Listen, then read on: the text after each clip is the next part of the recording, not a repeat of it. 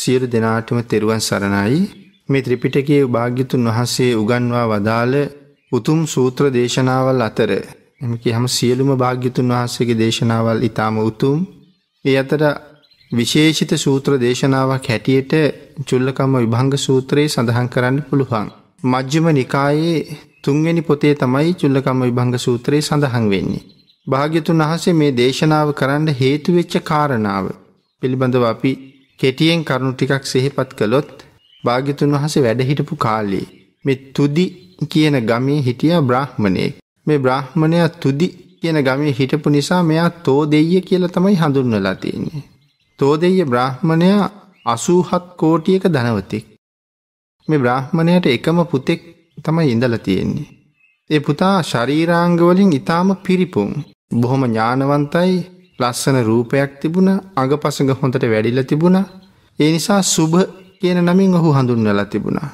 තරුණ කාලි සුභ කියන නමින් හඳුන්නපු නිසා අයාගේ මුළු ජීවිත මෙයා සුභමානෝක කියන නමින් තමයි හඳුන්වලතිය. බොහොම ප්‍රඥාවන්ත කෙනෙක්.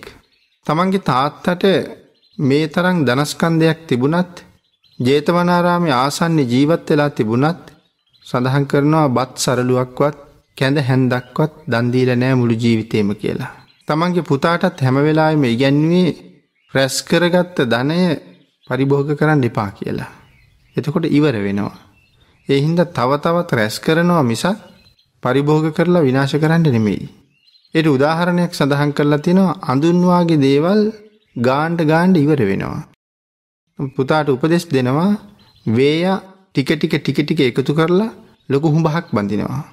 මීමැස්ස තුඩෙන් පැණි ටික ටික ටික ටික ගෙනල්ලා ලොකු මීවදයක් හදනවා. එයා රැස් කලා නොත් අඳුන් ගාල ඉවර වෙනවා එනිසා මේ දනස්කන්දයක්ත් එහෙමයි. ටික ටික මේකට එකතු කරනවා මිසක් මේක ඉවර කරන්න එපා කියලා තමයි හැමේලාම උපදෙස් දුන්නේ. තමන් ධනය පරිභෝග කළෙත් නෑ එහෙම. මේ තරම් දනස්කන්දයක් තිබුණට හොඳට කෑවෙනෑ හොඳට ඇන්දනෑ සැප වින්ද නැති ජීවිතයක්. එහෙම ඉඳල ඉඳලා මෙයා මැරිලා ගියා. අපේ බුදුරජාණන් වහන්සේට නිතරම විරුද්ධව කටයුතු කෙරුවේ. භාගිතුන් වහන්සේ මෙයාගේ කාරණාවට ප්‍රතිවිරුද්ධවනේ අදහස් දක්වන්නේ නිරන්තරයෙන් භාගිතුන් වහසේ දීමනාවගේ කළා. මෙයා දීමනාව ප්‍රතික්ෂේප කරනවා. එනිසා බුදුරජාණන් වහන්සේට නොයෙක් අවස්ථාවල්ල චෝදනත් කළා. මරණයට පත්වෙච්ච තෝදෙය බ්‍රහ්මණයා තිරිසන් ලෝකෙ ඉපදුනා. සුනකයෙක් හැටියට. මෙයා ඉපදුනේ තමන්ගේ ගෙදරමයි. තමන්ගේ ගෙදරම බැල්ලියෙකුගේ කුසේ තමයි පිළිසිඳ ගත්තේ. මේ බලු පැටිය ඉපදුනාට පස්සේ මේ සුභ මානුවකයා මේ බලු පැටියට හරි ආදරෙයි. තාත්ත බව දන්නේ නැහැ. බොහෝම ආදරෙයි. එනිසා තමන් ගන්න ආහාරපානාදියම යට කණ්ඩ බොඩ දුන්නා. ඇඳං මත නිදි කෙරෙව්වා. බොහෝම ආදරින් හැදුවේ. මහා කරුණා සමාපත්තියෙන් ලෝක දහතුව බලන වෙලාවේ අපේ බුදුරජාණන් වහන්සේ මේ කාරණාව දැක්කා. මේ කාරණාව සාකච්ඡා කරලා පැහැදිලි කරලා දුන්නහම සුභමානවකයාට මාර්ගඵල ලබන්ට තරම් පින්තියෙන බවත් භාග්‍යතුන් වහසේ දන්න. ඒ නිසා බුදුරජාණන් වහස එක දවසක් සුභමානවක ගෙදර නැති වෙලාවේ මේ ගෙදරට වැඩියා. වඩිනකොට මේ බලපෙටිය ඉස්සරහට ඇවිල්ල භාගිතුන් වහසේට බුරන්ඩ පටන් ගත්තා. ඒ වෙලා බුදුරජාණන් වහස කතා කළා තෝදෙය ඔබ මනුස්සලෝකෙ ඉන්න වෙලාවෙත්. මට නොෙක් ආකාරයෙන් ගරහා කරලා තිරිසන් ලෝකෙට ගියා. ඔබ දැනුත් මට බුරලා උඹ අවිචී යනවා කියලා. ඒක ඇහුනට පස්සේ මේ බලු පැටියට මේක වැටහුණා වැටහිලා කල්පනා කලා එහෙමනං බුදුරජාණන් වහස මං අඳුරගත්තා. එ ලොකූ ලැජ්ජාවක් එක මෙයා ගිහිල්ලා ලිපේ නිදාගත් අලු ගොඩි. සුභමානවක ගෙදරෙනකොට බලු පැටිය යහන්නේ නැති නිසා හොයල බලහම අලු ගොඩේ නිදී. ඉරිපස සේවකයන්ගෙන් ඇහුව කෞද මේ අලුගොඩින් තිබ්බ කියලා. සේවකව කාරණාව සඳහන් කලා ශ්‍රමණ බවත් ගෞතමයන් වහස වැඩිය බලු පැටිය බුරාගෙන ගියා ඔබේ තාත්තගේ නම කියලා භාග්‍යතුන් වහසේ බලු පැටියට ආමන්ත්‍රණය කළා. එතනින්දල එයා අලුගොඩින් නැගිටින්නේ අලුගොඩට වෙලා ඉන්නේ. කීප සැරයක් ගෙනල්ල යහන මත තිබත් මෙයා යහන ඉන්න තියපුහම බැහල අලුගොඩටම යනවා. සුභමානෝකට කේන්ති ගියා මොද තාත්තගේ නමින් බලු පැටියට ආමන්ත්‍රණය කරපු නිසා. තීරණය කලා යන්ඩෝනෑ. ගිල ශ්‍රමණ බවත් ගෞතමයට චෝදනා කරනවා කියල තමයි ගියේ.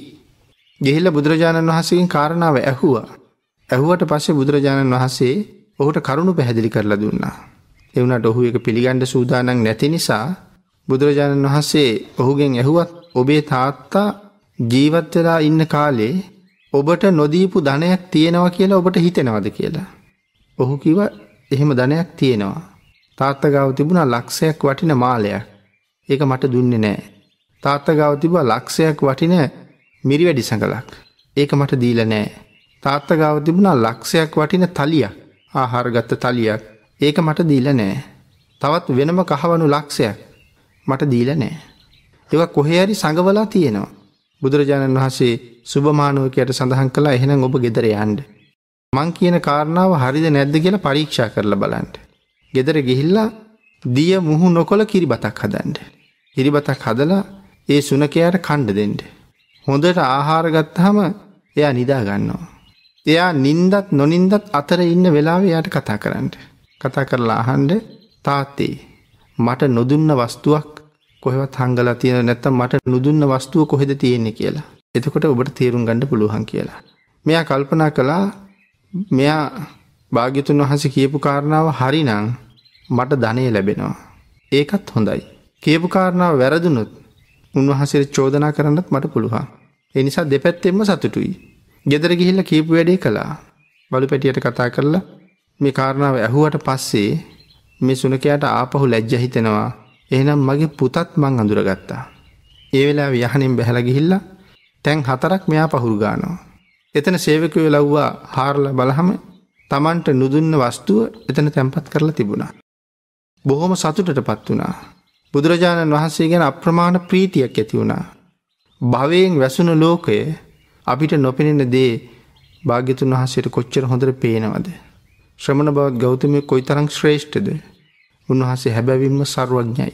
එහෙම කල්පනා කරලා නැවත බුදුරජාණන් වහස ළඟට ඇවිල්ල ඒ කාරණාව සඳහන් කලා ස්වාමීණී ඔබ වහන්සේ දේශනා කරපු විදිහටම කරුණු සියල්ල සම්පූර්ණයි කියලා. සුනකයා මෙරලා විචිට ගියා.